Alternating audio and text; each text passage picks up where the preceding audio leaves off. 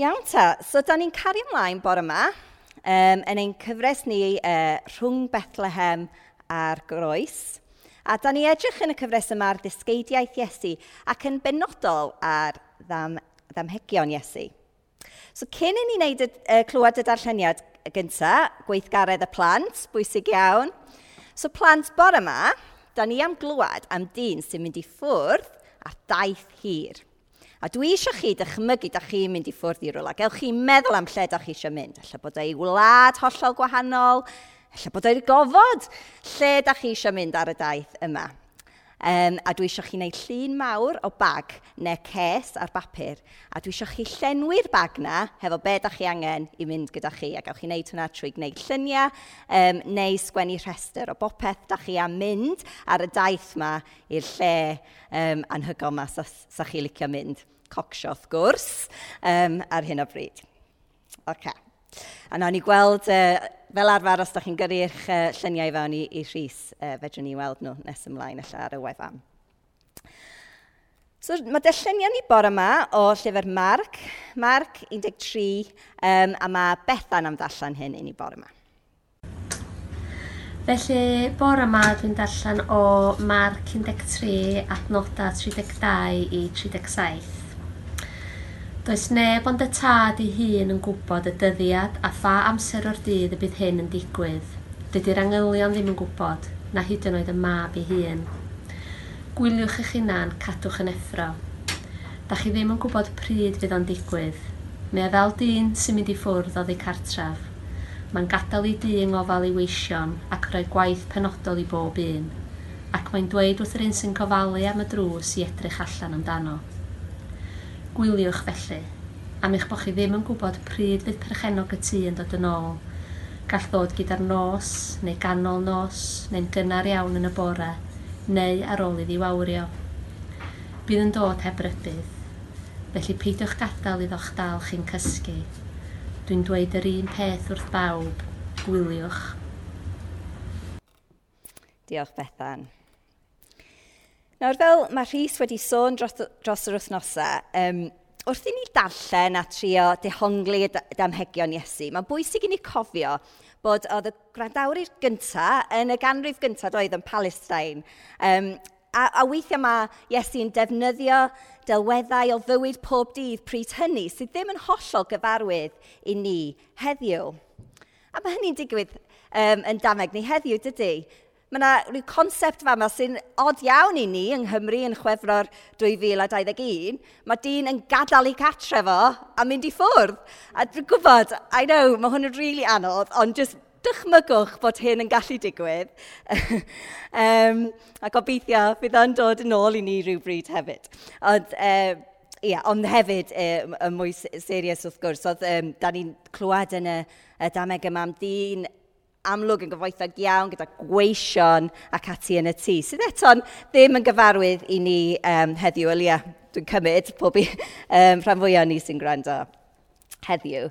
Uh, dwi'n gwybod sut da chi pan da chi meddwl mynd i ffwrdd, uh, os da chi'n gallu cofio nôl i'r amser yna. yna dwi'n meddwl mae personoliaethau gwahanol yn dod um, i, i fyny dydy'r bryd hynny Alla da chi fel Martin, fy ngŵr, sydd yn calm and collected, just mynd rownd y tŷ, checio bod y drws cem di cael, um, cerdded allan o'r tŷ a clwio a cael ei fewn i'r car, neu alla da chi fatha fi sy'n mynd bach yn frantic bob ma'n gorfod checio bob dim o leia tair gwaith, yn, yn cynnwys pob pethau sydd ddim fel arfer ymlaen, ti'n checio bod pob dim i ffwrdd, pob tap, pob ffenas, pob uh, uh, drws di cloi, pedwar waith, mae rhaid i fi checio. Anyway, ta waith dim dyna da ni'n siarad am heddiw. Ond wrth i fi darllen y dymeg yma am y tro gyntaf, ni'n meddwl, o sôn am braf, pa dwi'n mynd i ffwrs, a ddim rhaid i fi poeni am cael pethau i fyny os oedd gennau staff tîm fel y dyn yma, os so ni'n gallu gadael yn y tŷ.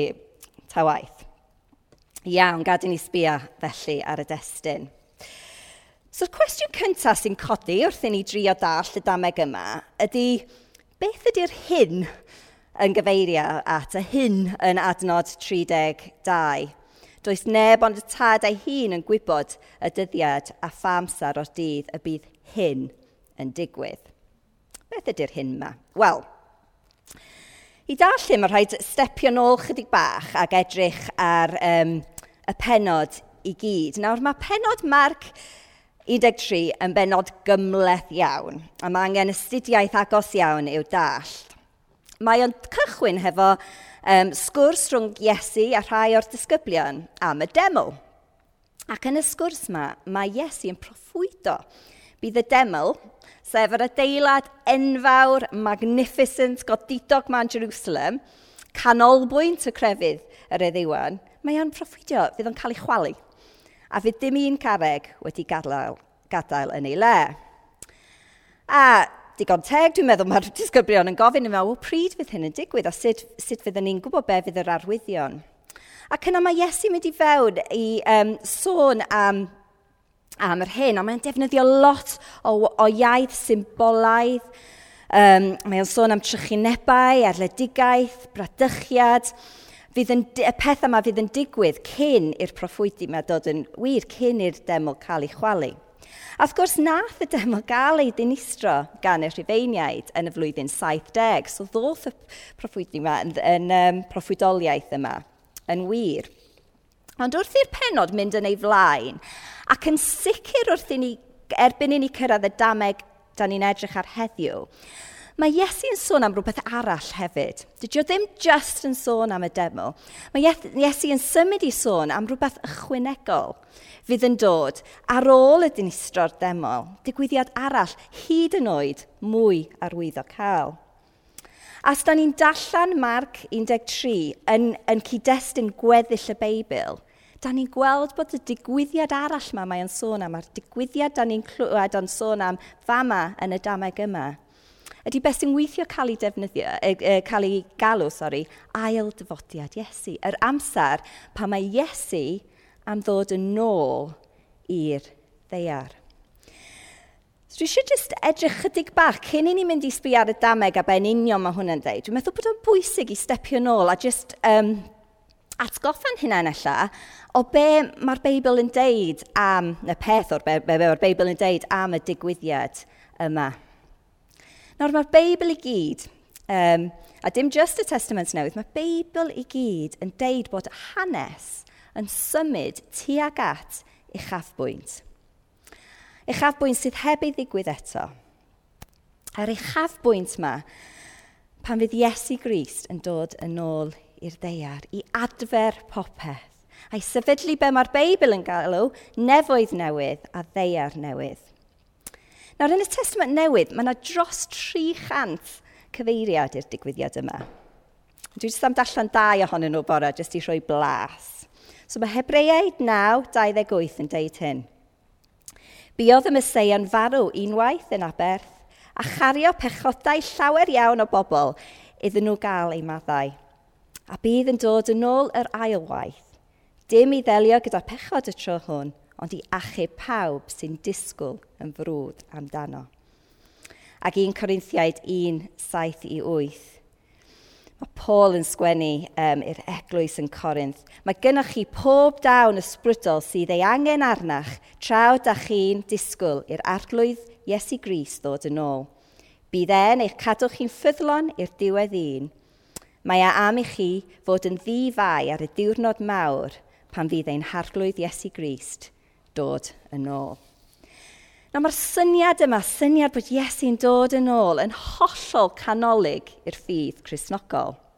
Mae yn y tri brif credo, y, y, y creeds, dat, hein datganiadau gath ei ddatblygu, gath ei ddatblygu yn y canrifoedd cyntaf um, fel crynodeb o ffydd chrysnogol. A dwi jyst am darllen rhai brawddegau o un o'r uh, The Nicene Creed, uh, credo yma, bore yma. Uh, yn sôn am Iesu, mae'n deud hyn.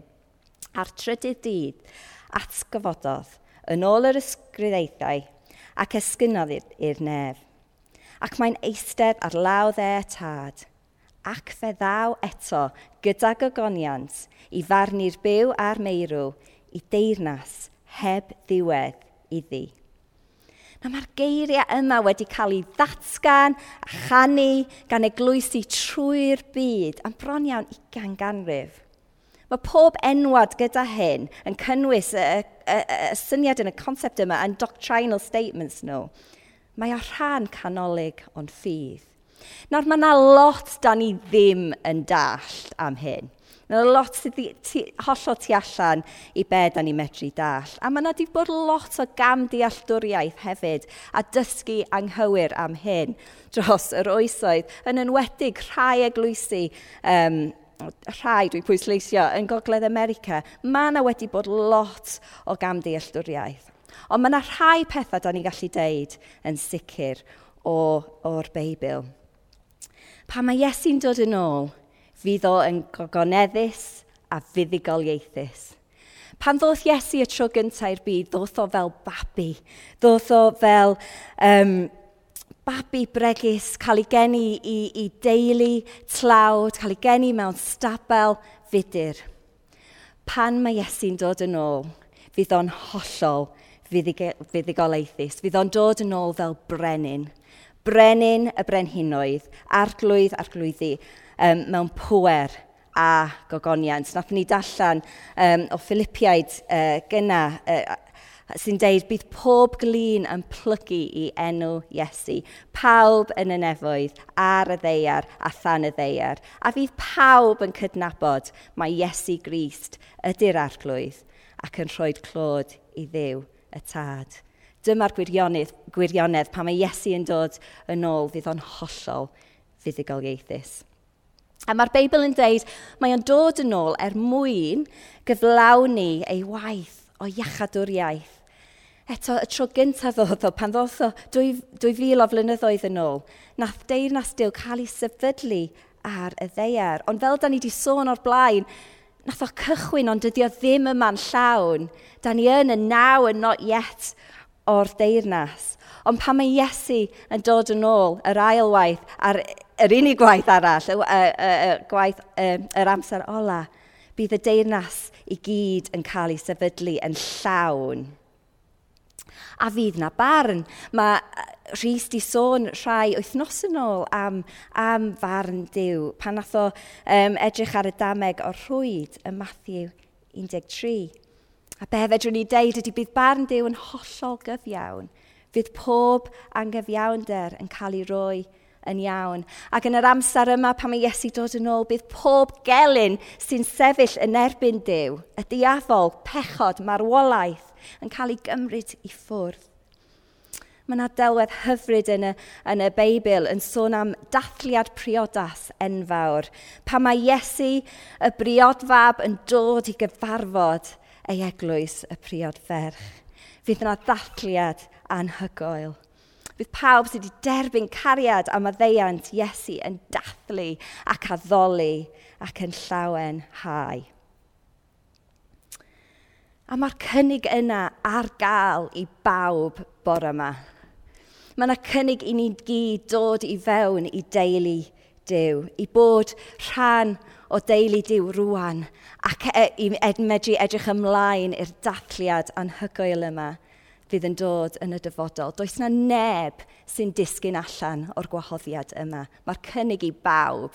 Does neb rhy dda a does neb rhy ddrwg. Does neb rhy hen, does neb rhy ifanc. Mae cariad dew a cynnig o o ras a maddeiant ar gael i ni gyd heddiw. A dwi jyst yn annog chi, os da chi'n gwrando i fel na'r hyn heddiw, ella erioed di camu fewn i'r perthynas yma gyda Iesu, i deud ia i'r cynnig yma o berthynas, o gariad a faddeiant a gras. Dwi yn annog chi bore yma i wneud hynny. A, a please, cysylltwch gyda Rhys neu fi neu rwy'n arall o'r eglwys i siarad am hyn a medru gweddio amdano fo. Mae'r cynnig ar gael i bawb. Ond yn ôl i'r dameg, so dyn ni wedi sbio um, ar be y syniad mor Iesu yn, yn dod yn ôl, be mae'r Beibl yn dysgu. Be mae'r dameg penodol yma yn gallu dysgu ni bore yma? Wel, dwi'n meddwl mae yna dau prif pwynt. Y pwynt gyntaf di hyn, da ni ddim yn gwybod pryd fydd y digwyddiad yma yn digwydd. Mae Iesu yn deud hyn tair gwaith yn y dameg byr yma. Adnod 32, does neb ond y tad ei hun yn gwybod y dyddiad a'r amser.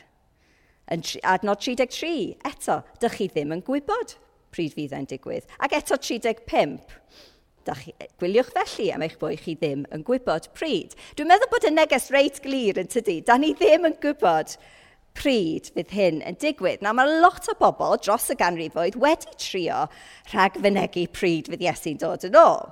Um, a maen nhw'n wrong. Maen nhw'n wedi bod yn wrong pob tro. Um, ond mae nadameg yma'n neud o glir yn tydi. Mae'n gwastraff amser i ni drio gweithio hyn allan. Dew ydy dew. Fo sy'n gwybod. A dim ni. O'n i'n meddwl, dwi'n stepio nôl a cofio bywyd cyn y pandemig yma. Oedd um, pethau save the date wedi dod reit poblogaidd. Doedd y syniad bod chi'n cael rhyw gardyn neu e-bost um, o flaen llaw, rhai, weithiau rhai blynyddoedd o flaen llaw, rhyw barti neu priodes neu rhywbeth, oedd yn deud save the date, os ar gwahoddiad iawn a mwy o manylion dod nes ymlaen. O does na ddim save the date gyda hyn. Mae Dyw dim di rhoed hyn i ni um, gyda'r digwyddiad yma. Da ni ddim yn gwybod pryd fydd o'n digwydd. Dyna'r pwynt gyntaf. Yr ail pwynt, dwi'n meddwl bod yr, y dameg yma yn dysgu ni. Eto, tair gwaith mae Iesu yn dweud yn y dameg yma, y gair, gwyliwch. Adnod 33, gwyliwch eich hunain, cadwch yn effro. 35, gwyliwch felly. Ac yna yn y diwedd 36, felly peidiwch gadael iddo dal chi'n cysgu mae'r dyn yn, uh, mae Iesu'n deud i, i, i pobl yn y tŷ. Dwi'n deud yr un peth wrth pawb, gwyliwch. So eto, neges reit glir, mae rhaid i'r pobl um, yn y tŷ, mae'r dyn di mynd i ffwrdd, mae rhaid nhw gwylio i'r amser mae o'n dod yn ôl. So, da ni am trio yn pacio hyn chydig wan yn yr amser sydd gennym ni ar ôl. Beth ydy'r gwyliwch yma yn olygu? Be da ni fod i wneud? Wel, yn gychwyn, dwi'n meddwl da ni'n gallu clirio i fyny beth dydy o ddim yn olygu. Dydyn ni hyn ddim yn olygu, da ni fod i sefyll yn edrych i fyny i'r awyr o hyd, yn, yn aros ar ryw high, you know, red alert i Iesu dod yn ôl rhyw sut. A dydy o ddim yn golygu, wrth gwrs, da ni'n cael orffwys na cysgu. Diolch beth am hynny. Ond mae yna sawl beth dwi'n meddwl bod o'n olygu. Um, a mae gennau pedwar pwynt byr i, i rhedeg trwy heddiw. A pethau dwi'n meddwl da ni'n gallu um, dallt o'r, or gair yma, gwyliwch. Y gyntaf di, dwi'n meddwl da ni angen edrych ymlaen yn frwd i'r amser yma. Mae dau Timotheus 4 yn deud hyn adnodau 6 i 8. Mae Paul yn siarad a mae o'n deud, mae'r amser i mi adael y byd yma wedi dod. Dwi wedi ymladd yn galad, dwi wedi rhedeg y ras i'r pen, a dwi wedi aros yn ffyddlon. Bellach, mae'r wobr wedi cadw i mi, sef coron y bywyd cyfiawn. Bydd yr arglwydd, y barnwr cyfiawn, yn ei chyflwyno hi i mi ar y ddiwrnod pan ddaw o'n ôl. A ddim i fi yn unig, ond i bawb sydd wedi bod yn edrych ymlaen yn frwd iddo ddod yn ôl. So'r cwestiwn bore yma, ydy ni'n edrych ymlaen yn frwd iddo ddod yn ôl? Nawr, yn wahanol i rhai rhannau o eglwysi yn llefydd arall o'r byd, mae rhan fwyaf eglwysi mainstream ym, ym Cymru a Prydain tueddiad allan mynd i'r extrem arall a ddim siarad llawer am y digwyddiad yma. Dim pob un, dwi'n eisiau generalisio fan, ond y tueddiad ydy i wneud hynny allan. Mae yna llyfr o enw Caffi Theology gen um, dyn o enw Mike Lloyd, llyfr gwych. A mae Mike Lloyd yn deud hyn, Christians have often shied away for longing, from longing for the appearing of Christ, partly to avoid being associated with the end of the world brigade, who are always predicting the end and getting it wrong, and partly to avoid the charge of being so heavenly minded as to be no earthly use. A mae'n mynd ymlaen i ddweud bod y dau peth yma, dau fatha rheswm pam da ni wedi tueddu uh, you know, shying, shy away o hyn, mae'n deud bod nhw'n dealladwy, ond maen nhw o'i le. Y cyntaf oherwydd, mae'n deud yn bwlwnt ac yn blaen, the final victory of God is too important a doctrine to leave to the cults.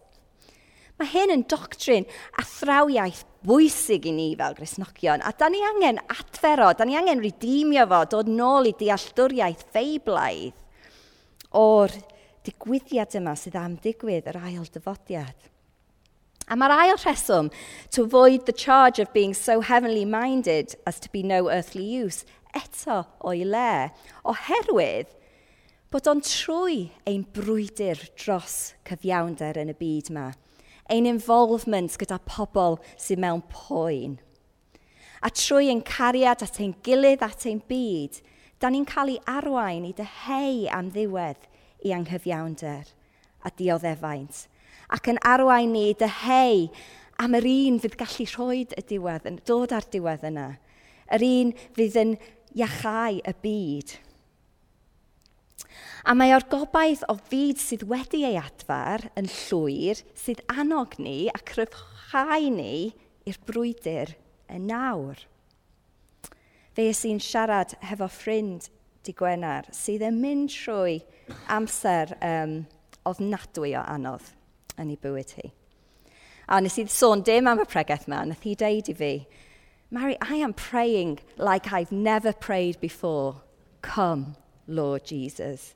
I am longing for his return like I have never longed before, medda hi. A mae yn yr amseroedd na o oh, dioddefaint o anghyfiawnder, wrth i ni cerdded gyda pobl eraill trwy'r cyfnodau yma, mae'n arwain ni i dyheu am y byd sydd i ddod, y byd yr amser gwell yma, y nefoedd newydd a'r ddeiar newydd, lle fydd Iesu yn rhoi popeth yn iawn. Yr ail pwynt, dwi'n meddwl mae'r gair gwyliwch yn deud i ni, bod da ni angen byw bywyd da ni heddiw yn oleini beth sydd i ddod. Mae'n ffydd ni Yn hyn yn effeithio ni rwan. 1.41, 13. Felly byddwch yn barod a gwyliwch sut ydych chi'n ymddwyn. Rhowch eich gobaith yn llwyr, llwyr yn y rhodd sydd i ddod i chi ar y diwrnod pan fydd Iesu Grist yn dod i'r golwg eto. Gwyliwch sut ydych chi'n ymddwyn. Da ni fod i byw ein bywydau ac ymddwyn yn y ffordd yn oleini beth sydd i dod. Eto, rhifeiniaid 13, adnod 11. Dylech chi fyw fel hym am eich bod chi'n deall beth sy'n digwydd.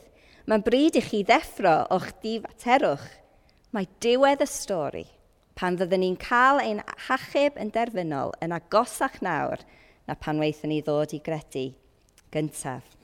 A da ni angen gofyn a gadael i'r ysbryd glân gweithio yn ni, helpu ni draws newid, i helpu ni tyfu dybychach i Iesu a'n byw yn y ffordd mae o'n alw ni i fyw. A sut da ni'n neud hyn mae Hebreaid, llyfr Hebreaid yn rhoi anodd, anogaeth a cyngor i ni. Hebreaid 12, 1 i 2. Oes, mae tyrfa enfawr o'n cwmpas ni yn dweud mae trystio Dyw ydy'r ffordd orau i fyw. Felly gadewch i ni cael gwarad popeth sydd neu'n dal ni nôl, yn arbennig y pechod sy'n denu'n sylw ni mor hawdd. Gadewch i ni fod yn benderfynol o ddal ati a rhedeg y ras sydd o'n blaenau i'r diwedd, rhaid i ni hwylio'n sylw ar Iesu. Fe ydy'r pencampwr a hyfforwydd, hyfforddwr sy'n perfeithio ein ffydd ni. Sut ydyn ni byw rwan yn y goleuni o beth sydd wedi dod, da ni'n hoelio'n sylw ar Iesu. Da ni'n cael gwared o popeth sy'n dal ni nôl a da ni'n trystio Dyw. Y trydydd pwynt am hwn yn debyg i'r ail, ond chydig bach yn wahanol. Da ni angen dyfel barhau. Dwi'n meddwl mae'n hwnna yn um, anogaeth i ni yn y dameg yma. Y, y, y, y, y syniad yma o gwyliwch. Mae rhaid ni bod yn gwylio beth sy'n mynd ymlaen o'n gwmpas ni a, a ynddo ni. Mae'n anogaeth i ni dyfal barhau yn ei ffydd i sefyll a barhau trwy adegau anodd. Fydd pawb ohono ni yn ein ffydd ni yn, yn gwynebu amseroedd pan mae yna temtasiynau a pwysau fydd yn ymosod yn trio distractio ni, yn trio wneud i ni credu bod y, y, y ffydd Cresnogol yn gelwydd eto, ella, neu bod o ddim yn gwertho, neu, neu trio cael ni i rhoi'n cefn, troi ni ar Iesu nella mwy sytlu i, i gyfad awdig, i compromise ein ffydd. A mae rhaid i bod yn watchad allan am hyn. A mae yna alwad i ni yn, yn y dameg yma i, i dyfal barhau a sefyll. Cys da ni ddim yn gwybod pryd fydd Iesu'n dod yn ôl. 1 Corinthiaid 16. Gwyliwch eich hunan, meddwl fo. Daliwch i gredu. Byddwch yn ddewr. Byddwch yn gryf. A pedwerydd peth, dwi'n meddwl, mae gwyliwch yn golygu. A mae, da ni'n cael hint o hyn yn y dameg ei hun, achos mae'r mae dyn yn mynd i ffwrdd a mae o'n rhoi gwaith penodol yn dydy i bob un o'r gweision yn y tîm. Mae hwn yn rhan o be mae um, y sort of, uh, instruction mae gwylio, um, rhan o sut da ni'n gallu dallo pan da ni dallan y dameg. A dwi'n meddwl bod hyn amdan ni'n pwyso i mewn i'n galwad ni yn hunan. Mae Dyw wedi galw pob un ohono ni i bethau penodol mae o eisiau ni wneud. I rhan, chwarae'n rhan ni yn ei bwrpas fo o adeiladu ei deyrnas a rhannu newyddion da Iesu gyda'r byd. A da ni wedi sôn dipyn am hyn yn Caer Salem dros y blynyddoedd dwytha, bod Dyw gyda galwad a, a di rhoi rhoddion gwahanol i ni gyd, um, di rhoi pethau gwahanol ar calonau ni, a di rhoi personoliaethau gwahanol i ni gyd. Rwy'n mae gennaf o pwrpas arbennig i bob un o ni, alwad ar bywyd pob un o ni. Um, a da ni'n medru gofyn eto i'r ysbryd glân helpu ni gwybod hyn, a fel cymuned, helpu yn gilydd i darganfod beth ydi o, beth di cyfrifoldebau fi yn yn y gwaith yma. Be mae Dyw wedi gofyn i fi wneud? A mae hwnna'n rhywbeth, fel dwi'n deud, o'n i'n gallu cerdded gyda'n gilydd yn y daith o trio um, gweithio hyn allan a dilyn besgyn Dyw ar ein cyfar ni. So i grynhoi y neges bore yma. Pwynt gyntaf, mae Iesu yn dod yn ôl. Brenin y bydysawd yn hollol fuddugoliaethus. Da ni ddim yn gwybod pryd, A da ni ddim yn gwybod sut, ond da ni'n gwybod pwy. A da ni angen bod yn barod. A rhan o be mae hyn yn olygu, dwi wedi cynnig bore yma, ydy un i edrych ymlaen yn frwd. Dau i byw rwan yn oleini yr hyn sydd i ddod. Tri i dyfal barhau pa mae pethau'n anodd a mae pethau trio delu'n sylw ni a delu'n ein ffocws ni ac i bwyso i mewn i be mae Dyw yn galw ni i wneud. A dwi eisiau gorffan gyda um, adnodau sydd yn rhoi llawer o anogaeth i ni, dwi'n meddwl, bore yma. 1 Corinthiaid 1, 7 i 8. Mae gynnach chi bob dawn ysbrydol sydd ein angen arnoch traw ydych chi'n disgwyl i'r arglwydd Iesu Gris dod yn ôl. Bydd e yn cadw chi'n ffyddlon i'r diwedd un. Mae e am i chi fod yn ddifau ar y diwrnod mawr pan fydd ein harglwydd Iesu Grist dod yn ôl. Amen.